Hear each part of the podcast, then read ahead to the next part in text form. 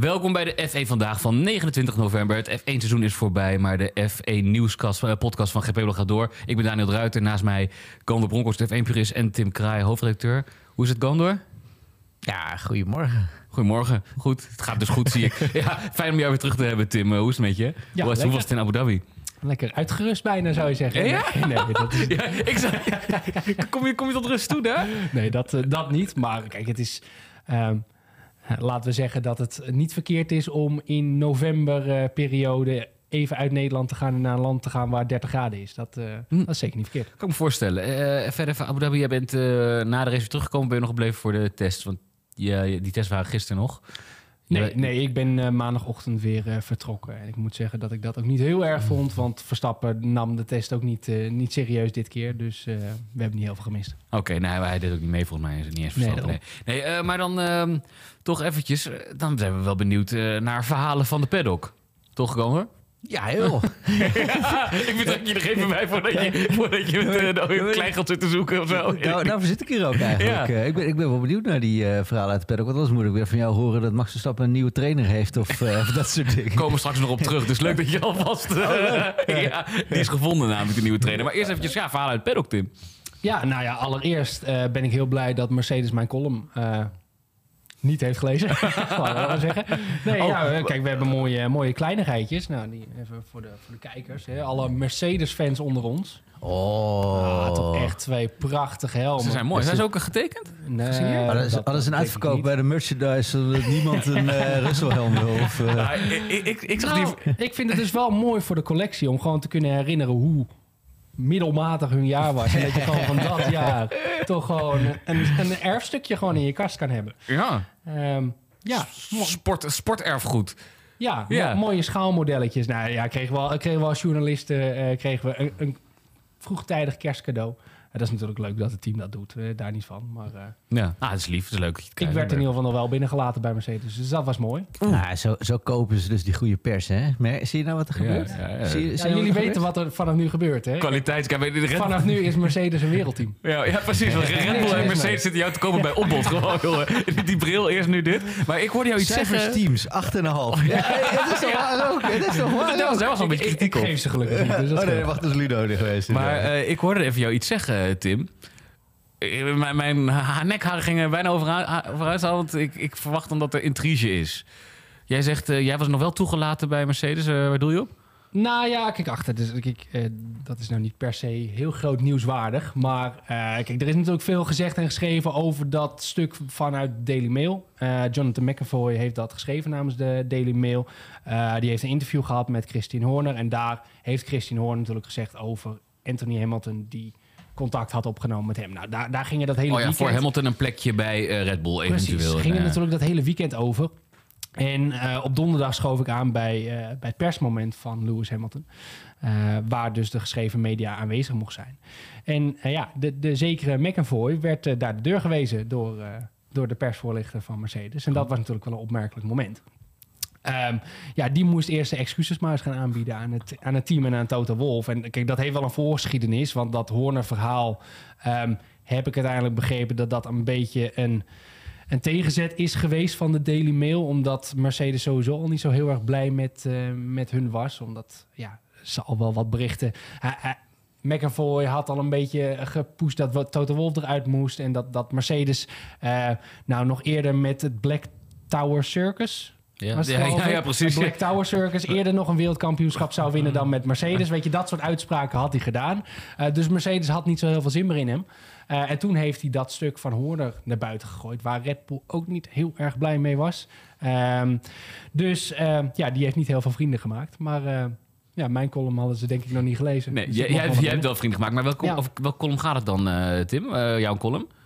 Nou, ik had vorige week nog wel een leuke column geschreven over, eh, over Mercedes. En over het feit dat eh, eh, daar toch ook wel het een en ander misgaat. En dat Toto Wolff daar voornamelijk ook wel weer een impact heeft. En ik moet zeggen, ja, Toto Wolff heeft zich toch ook wel weer aardig misdragen tijdens de race in, in Abu Ja. Dhabi. Door, door weer over de boordradio te komen. En als een of andere Ja, ja dus, Motivational dus, dus lees de eh. column, column van vorige week vooral even terug. Ehm, want hoe heb je gekeken naar die race? Eh, ja, daar gaan we daar maar ik, naar ik ben kijken. toch wel heel benieuwd naar die intriges daar op de paddock. Hè? Want we hebben natuurlijk ook die prachtige foto gezien van Horner en Wolf met z'n tweeën uh, breed uitlachend. Die hebben we hier met, met veel verbazing ook voor.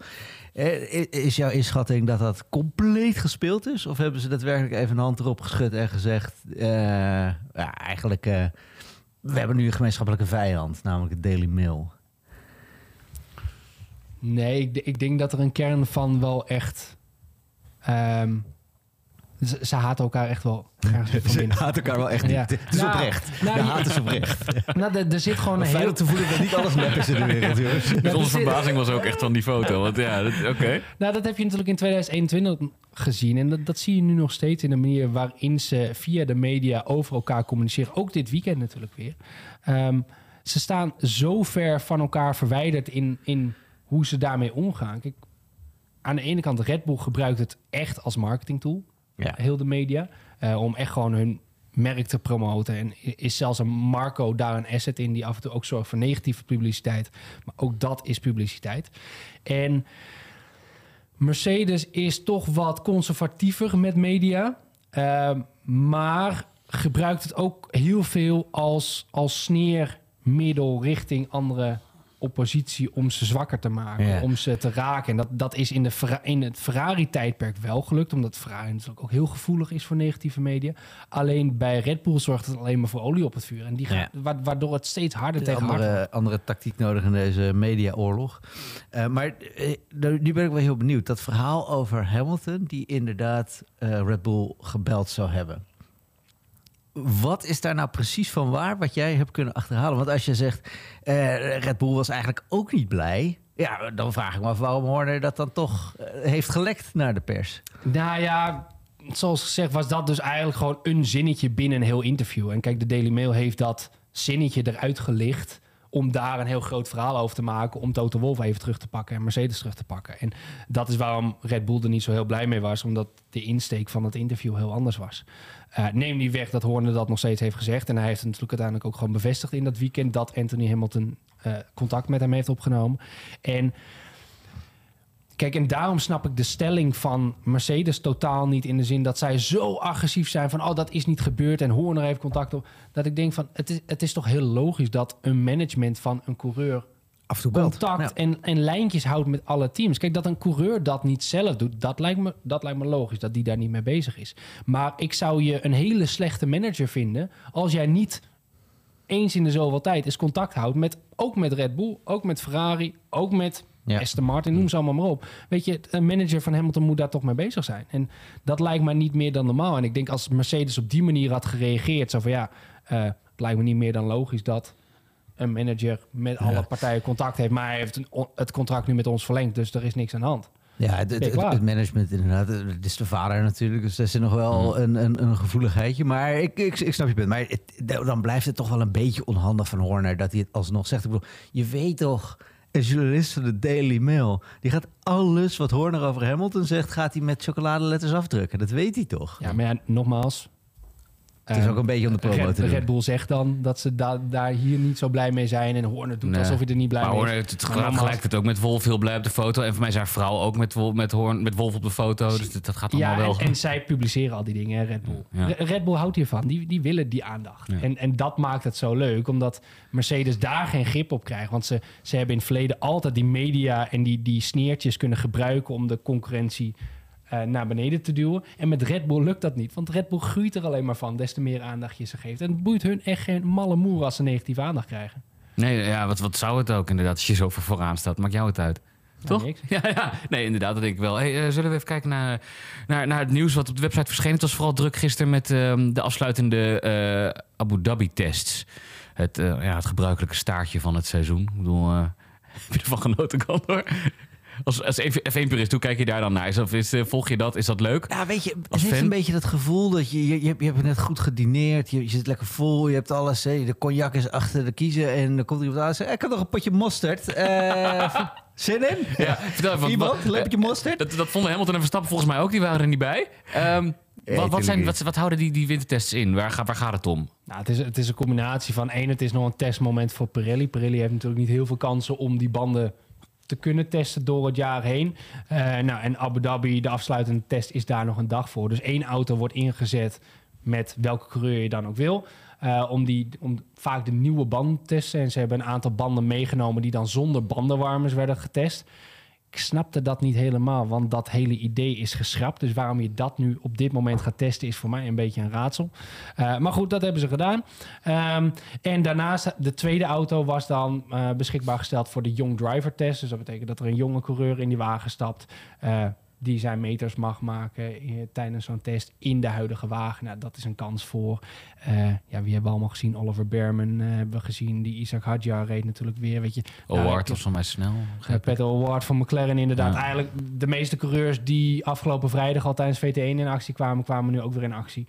Um, ja, dat is, dat is een mooie kans voor dat soort coureurs om gewoon even een dag, dag in die auto te zitten. En vandaag heb je dan al de F2-test uh, in Abu Dhabi. Uh, en dat is ook altijd wel interessant om te zien, want daar van heel veel F2-teams zijn de line-ups nog niet officieel bekendgemaakt. Maar eigenlijk kan je aan die test vaak wel zien welke coureurs er in actie gaan komen. Dus daar zie je nu bijvoorbeeld bij Prema, nou, de, degene die we al vaker hebben besproken, Andrea Kimi Antonelli, die samen met Oliver Beerman, Beerman voor, voor Prema gaat testen. Ook Richard Verschoor, die voor Trident uh, ja. toch nog een vierde jaar wordt het volgens mij ondertussen in de ja, Formule 2 gaat rijden.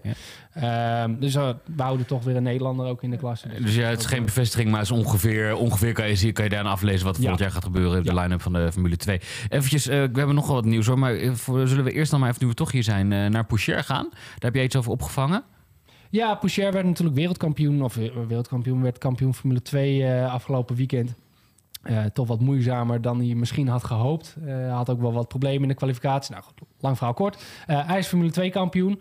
maar zoals we weten geen zitje in de F1... omdat Alfa Romeo volgend jaar Sauber vasthoudt aan Guan Yu Zhou. Wat ik nog steeds opmerkelijk vind. Maar oké, okay. uh, Pougère krijgt geen kans. Blijft reserverijder. Zal ook gaan testen voor Sauber.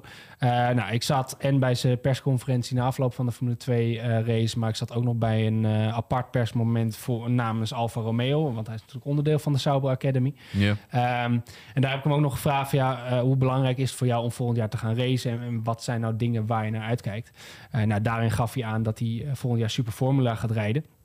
of in ieder geval dat hij daar de nadruk op heeft gelegd. En dat is toch wel iets wat je nu veel terug ziet komen bij heel veel coureurs. En dat um, is eigenlijk een beetje een nieuwe ontwikkeling. Gasly was een van de eerste die echt die tussenstap maakte. Yeah. Uh, succesvol. Lawson deed het dit jaar.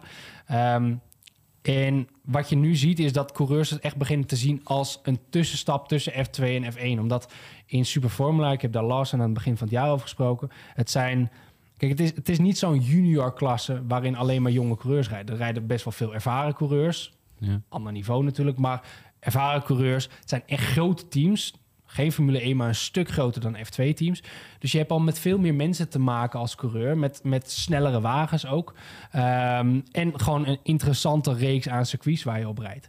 Um, dus het is leuk om dat te zien. Nou, Poucher wil daar dus naartoe. Uh, van Ayuma Iwasa is het al bekend dat hij daar naartoe zal gaan. Red Bull protégé. Ja. Het vierde in het um, F2-kampioenschap Ja, maar dat, jaar. dat lijkt een beetje een soort wissel met uh, Lassen te zijn eigenlijk. Hè? Lassen is een plekje is wel de verwachting, ja. Ja. Uh, en Frederik Vesti uh, wordt ook van gezegd dat hij die kant op gaat. Uh, is nog niet bevestigd. En Gwen Lagroux, de, de, de, de hoofd van het jeugdprogramma van Mercedes... wil Vesti eigenlijk alleen daarheen brengen als hij naar een topteam kan. Want in Superformula is het wel zo. In de F2, ook daar in de F2 heb je wel topteams... maar zit het wat dichter bij elkaar. Superformula is wel wat meer... Uh, topteams, middenmoot, onderkant. Dus dan wil je je talent natuurlijk niet gaan stallen bij Nee, nee uh, exact. een team aan de onderkant. En je zou je zeggen, uh, afsluiten gaan we door naar het volgende. Uh, goede stap voor Porsche dan om te gaan naar Superformula of niet? Ik vind het in ieder geval goed dat hij blijft racen. Ja. Uh, want ik denk dat dat wel belangrijk is. Weet je, dat zie je nu aan zo'n Filipe Drugovic. Uh, die staat nu een jaar aan de kant, volgend jaar waarschijnlijk weer. Um, ja, ja, en Lawson ook eigenlijk, toch? Nog, ook. ja. Weet je, als reservecoureur, wat, wat ga je als reservecoureur nou laten zien... wat je in de jaren ervoor niet hebt laten zien? Kijk, Poucher was dit jaar ook al reservecoureur. Blijkbaar vindt Alfa Romeo hem nog niet goed genoeg. Ja, Ja, als hij dan alleen de reservecoureur blijft... ontwikkel je je dan genoeg om volgend jaar opeens wel aanspraak te maken op dat zitje? Ja, precies. Nou, we hebben het gezien bij Piastri, maar dat ging natuurlijk ook op een manier van... Hè, dat, die bleef niet bij Alpine. Die moest weggeweekt worden met een gevecht. En dat pakte dan toevallig goed uit. Maar inderdaad, het is, ik snap wat je bedoelt. Ja, Eh, en blijf dan, maar racen. En dan heb je het over een coureur die F2 en F3 wint in zijn allereerste seizoen. Ja. Dus dat, dat is echt top. Ja. top. Hey, dan even iets anders. Eh, Martin Brundle, eh, behoorlijk eh, eh, positief over Max Verstappen.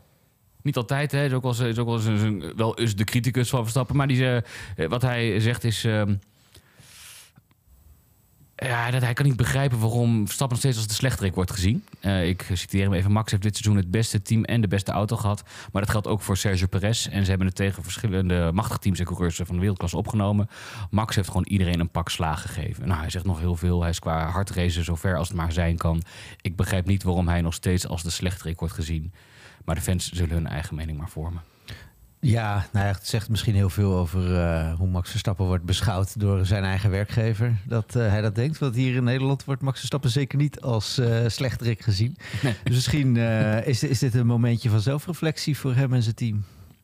Voor Brundle en zijn team. Zeg maar. Overigens moet ik er wel bij zeggen dat Brundle wel vaker redelijk positief over Verstappen is. Hè? Hij benoemde het ook dat hij van alle coureurs het liefst een biertje met Max in de kroeg- zou drinken. En hij waardeert heel erg Max zijn openheid. Hij heeft natuurlijk eerder al geschreven dat Max gewoon iedereen op een hoop rijdt. En nou ja, dan moet de rest gewoon maar beter zijn.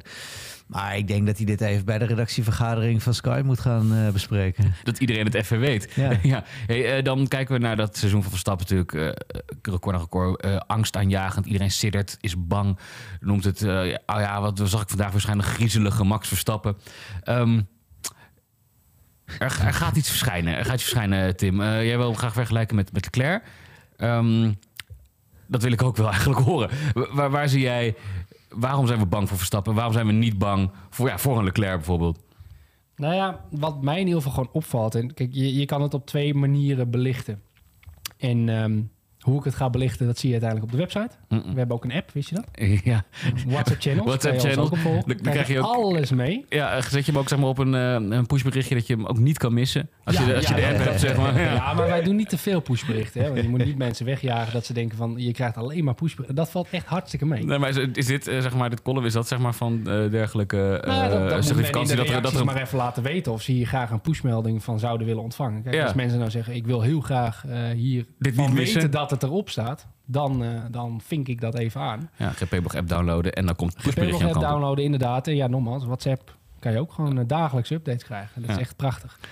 Wat was je vraag? Moeten we, even- Moet- moeten we zo'n reclame jingletje inzetten, jongens? Is het eh, lekker onder roosje? Ja. Ja, why not? Toch? Eh, nee, ehm, eh, ik wil inderdaad een stuk gaan schrijven over, ehm, over hoe, één, hoe goed Verstappen is. Eh, dat, dat heb ik al wel eens gedaan. Maar voornamelijk de, de bepaalde angst en gelatenheid die je steeds meer begint te merken bij voornamelijk Lando Norris en Leclerc. En wat ik bij die twee, en dat heb ik al wel vaker benoemd, ehm, wat ik bij die twee mis, is de echte grinta om elke kans te grijpen. Eh, nu ook weer, weet je, met Leclerc, die eerste ronde. Als je nou de rollen omdraait. Had, had Max Verstappen in zijn tijd dat, dat Hamilton zo dominant was? Ha- Had die, denk je, de deur opengelaten in bocht 1? Ja, ik weet, vanaf die tijd weet ik alleen van Verstappen. Het was alles of niets. Toch? Ik, ik, eh, als ik niet eerste word, dan maakt het niet uit. Nee, maar dan gaan we allemaal gewoon rechtsaf hier de grindbak in. Maar je Ja, maar ik, ik, ik- je voor- krijgt zo voor, weinig afgelopen, afgelopen wedstrijd vind ik het geen eerlijke vergelijk eigenlijk. Hè? Want Ferrari had echt iets voor te racen. Hij weet dat Verstappen toch wel wegrijdt. Daar, eh, ja goed. eh, Ja, maar bijvoorbeeld dat is als, je, als je toch- kijkt dat is bijvoorbeeld toch niet begin iets waar vorig je jaar. rekening mee houdt? Maar begin vorig jaar, Leclerc en Verstappen met z'n tweeën aan het race waren... waar het echt nog leek te gaan om een wereldkampioenschap. Toen liet Leclerc echt zien te kunnen Zo racen. is Saudi-Arabië toen. eh, ja, of die andere Arabische Grand Prix, wat is ook weer uh, Bahrein. Eh, heel dicht op elkaar. En, en een paar van die switchbacks. Ook een hele sli- slimme manier om Verstappen af te troeven. Je zag dat die twee vaker tegen elkaar geraced hadden. En ik, ja, het liefste wil je natuurlijk dat die, dat die Ferrari gewoon wat competitiever is. Zodat ze echt ergens voor kunnen racen. Ik denk dat we dan pas Leclerc daarop kunnen eh, beoordelen. Wat wij wel opviel was... Leclerc liet nu eindelijk zien, eindelijk iets van, van omgevingsbewustzijn te hebben. Door inderdaad te zeggen van, joh, moet ik me even laten terugvallen. We hebben twee jaar geleden gezien dat je als je in Abu Dhabi jezelf laat terugvallen, je iemand echt kunt ophouden. Ehm, Leclerc doet dat wel een beetje, maar dan weer net niet genoeg om zijn team echt te helpen. En daarvan dacht ik dan wel weer veel, als je dat toch een beetje slimmer bent, dan, dan had je nu wel echt. Dus je zet je, dat je, je, zet je berekendheid in, maar je Dat- zet het niet dat door. was wel een minutieus spel geworden natuurlijk. Dat hè, was een want heel dan, minutieus dan spel had je geworden. zelf precies binnen de vijf seconden moeten zitten en Dat Russell op zoveel. fantastisch geworden. Ja, nee, ik, ik, ik callde hem in Ja. de groep dat ze dat zouden gaan doen, maar dat werd net niet. Ja, dat, Maar- dat, dat, dat was echt fantastisch. En, en dat, dat, daar mist, mist Leclerc dan inderdaad net die scherpte. Ja, ben maar ik het wel dat, mee eens. Dat is ja. toch ook in de eerste bocht. Want hij- je, je- kijk, je kan zeggen van... Tuurlijk hebben ze wat te verliezen met Ferrari zijn. Maar als, als coureur wil je altijd winnen. En ik zeg niet dat hij had gewonnen als hij voorop had gelegen. Maar je zit in bocht 1 aan de binnenkant bij... Dat gebeurt niet zo makkelijk hoor. Aan de binnenkant komen bij. Je zit in bocht 1 en wat is dat? Bocht 6, bocht 7, iets in die geest. In ieder geval die, die, na dat eerste lange... recht Zit je ook weer aan de binnenkant. Ja, dan, dan kan het niet zo zijn... Dat Maar- je Verstappen daarmee weg laat En dat je dan maar- gaat berekenen niet- van later in de race hebben we misschien net genoeg punten. Want tuurlijk ga jij eh, voor de teugels in de race. Tuurlijk Nee, ga je nee, maar- als nee, maar racer daar toch? hou je ook helemaal nee, geen toch? Nee, dat bedoel mee. ik. Tuurlijk wil je die teugels vast hebben. Je wilt vooraan het liggen. gevoel dat hij toen al zijn- banden een beetje aan het overkoeken was. En dat hij toen dacht, oké, Charles de Langren... eh, dat hij... Nee, hij houdt, hij houdt gewoon te veel rekening met het feit dat dat Verstappen is. Want ik op het moment dat het Norris is, doet hij het niet. Dan, dan, dan, Klopt dat er wel doorheen, zeg maar. Ja. Dus het is omdat het Verstappen is dat er een bepaald respect is. En dat zegt heel veel over de status die Verstappen ondertussen heeft. Eh, want iedereen weet, je gaat niet zomaar een gevecht winnen van Verstappen. Maar je zag het ook met Norris in Brazilië. Ehm, als die gasten dan eindelijk eens een keer in zo'n situatie komen... dan grijpen ze hem ook niet echt. En, en dat vind ik wel heel jammer. En ehm, nou, dat is niet omdat deze dingetjes hier staan. Maar het is wel komen. zo. En dat, en dat gaat niet gebeuren. Want Mercedes snapt hun wagen nu nog steeds niet. Dus die gaan echt niet in 2024 opeens wel een wagen hebben... die goed genoeg is om met Red Bull te vechten. Ja, Wolf noemde het de Mount is- Everest eh, to climb. Ja. Maar dat is het enige team, of in ieder geval Hamilton is de enige coureur waarvan je weet op het moment dat hij een kans krijgt om met Verstappen te vechten, dan gaat hij het ook echt doen. En zelfs van Russell kan je nog zeggen, en die zet hem af en toe in de muur en die is af en toe niet snel genoeg om überhaupt Hamilton te verslaan. Maar ook van Russell, Baku, is wel een coureur die alles of niets is. Die zet hem ook wel eens in Verstappen, dat is waar. Ja, Ja, ja. dus nee, maar weet je, dat zijn wel coureurs die in ieder geval dat gevecht aangaan. En van Norris en Leclerc vind ik echt gewoon, weet je, ik vind echt gewoon laffe takken. En dan kan je achteraf zeggen van, oh, hij, hij was toch wel weggereden en hij was toch veel sneller en die Red Bull is onklopbaar en ik heb een betere auto nodig. Nee, in die eerste ronde zit je erbij, in die eerste ronde heb je een kans, maar je hebt zelf de ballen niet om hem ervoor te zetten. Ja, dan verdien je ook geen betere auto op dit moment. Nee, nee ik, ik ben wel warm geworden voor, de, voor, dat column, voor die column eh, van de week. Pushbericht graag naar mij. Ja, dat, dat tenminste. Ja, even, Ja, over, over, even lekker elkaar lopen pushen, ja, jongens. Ja. over de Russell. Gisteren ook, hè? Eh, tijdens de wintertest. Russell gecrashed, wou het zeggen. Dus ook als er niemand voor hem ligt, doet hij het Nee. hoor. Dat, dat maakt ook verder niet zoveel uit. probleem met de auto, maar- Kom ik even met het laatste nieuwtje van vandaag bij jou, eh, Gandor. Omdat jij daar graag over wou hebben. Ehm, ja, de, de nieuwe trainer, de nieuwe visio van Max Verstappen. Is bekend. Is Ja, gevonden. leuk. Ja. Ja, ik iets. Ja, ik zal het je even zeggen. Ik moet dan eventjes erbij halen. Het is ehm Ja, voor, voor, voordat, Manwaring voordat, heet ik in, de- voordat ik in de comments weer word afgeslacht. Ik, het is geen dédain. Er is een verschil tussen dédain en gewoon geïnteresseerd zijn in de racerij. Dat, daar zit een groot verschil. Ik heb, ik, heb, ik heb heel veel respect voor de kunde van de, van de trainers. Maar laten we eerlijk zijn. eh, het is ook niet zo dat we elke monteur die wordt vervangen eh, met, een, met een nieuw artikeltje bedienen. Als het Deze Verstappen man- gaat wel. deze man bedienen we nu met een artikeltje, omdat hij toevallig de, de nek van Verstappen Maar eerlijk is eerlijk, Verstappen, met welke trainer die hij ook naast zich heeft, wordt, gewoon- was, was vandaag wereldkampioen geworden. En natuurlijk heb je een goede trainer nodig, hè, die je topfit maakt. En ik denk dat het een topprestatie is om hem bijvoorbeeld in Qatar fit te krijgen, waar hij dus op zaterdag gaat zuipen en op zondag zie je iedereen kreupelen uit die auto komen, behalve Verstappen die gewoon blij rondjes loopt. Natuurlijk doen die, doen die trainers uitstekend werk en geweldig werk. Eh, alleen, ik ben meer geïnteresseerd ja, in, in, in de racerij. Ja. Hè, in de, in de Maar als er iemand is die het wil weten over de fysiotherapeut, dan wil je wel weten hoe de fysiotherapeut omgaat met de beste coureur op de grid. En dan is zo'n Skeens, zo'n Bradley Skeens natuurlijk wel het meest interessante wat er te behalen valt bij de, bij de performance coaches. Die is Ja. weg. En nu, ik, ik zeg even, nu eh, heeft eh, Verstappen, het Verstappen-team toch een nieuwe aangetrokken. We gaan het toch even over hebben. Eh, Rupert Manwaring, en dat is de oude fysio. Dus dat wordt dan de oude fysio van, van Carlos Sainz. Maar die heeft een topnek. Dat bedoel ik. Ja, Ja, ja, sorry, kan je er nu iets over zeggen? Nee, jij gaat er ook helemaal niks over zeggen ook. Nee, maar het is geen dédain, zeg je. Ehm, zeker niet. Absoluut niet. Dat is het verkeerde Nee, woord. nee. Rupert Manwaringen, ken jij hem? Nou ja, als de fysio van, van Carlos Sainz inderdaad. Maar hoe kijk Dus- jij hiernaar dan, Tim? Ik bedoel, vind, jij, vind jij het ook eh, on, of, ja, onnieuws, misschien mogen we het niet zo noemen, maar ehm, oninteressant? Eh, nee, ehm, want ik denk wel dat. ehm, kijk, één, blijkbaar wil men het lezen, wil men het weten, want anders schrijven wij het niet. Want we gaan niet dingen schrijven die, eh, die niet worden gelezen, anders doen we het niet meer. Dus dat is punt één. Eh, dus blijkbaar wil men het weten. Eh, dus dan is het sowieso per definitie al niet, niet interessant. En punt twee, vind ik het juist wel mooi om ook die mensen achter de schermen uit te lichten. Ehm, ik heb dit jaar, gedurende het jaar, met best wel veel mensen ge- gesproken die achter de schermen hard werk leveren binnen zo'n F1-team. En of dat nou een personal trainer is van een coureur, of dat een sportief directeur of een teammanager of een. Noem, noem ze maar op, een race engineer. Ehm, dat zijn allemaal mensen die achter de schermen ook echt topsport bedrijven. En ehm, ik vind dat soort trainers, die zijn ook echt top in, in hun werk. Ehm, dus dat we daar aandacht aan besteden en dat je daar af en toe ook eens een interview van voorbij schiet komen over hoe zij omgaan met Verstappen, wat, wat de bepaalde ehm, eigenschappen zijn van Verstappen die, die hun werk makkelijker of, of moeilijker maken. Ja, dat vind ik in eigenlijk wel boeiend, omdat dat ook onderdeel is van topsport. En dat maakt het ook. ehm, zeg maar, heel vaak wordt natuurlijk gezegd over Formule 1 dat het geen topsport is, want het ligt allemaal aan de wagen. En dat is natuurlijk bullshit. Uh, want het zijn echt atleten die in de wagen zitten. En ik vind daar de mensen omheen, die daarbij helpen om die atleet steeds beter te maken, uh, zijn net zo belangrijk. Weet je wie ik echt heel interessant zou vinden om voor de camera te hebben of voor de microfoon? Is Jonathan Wheatley.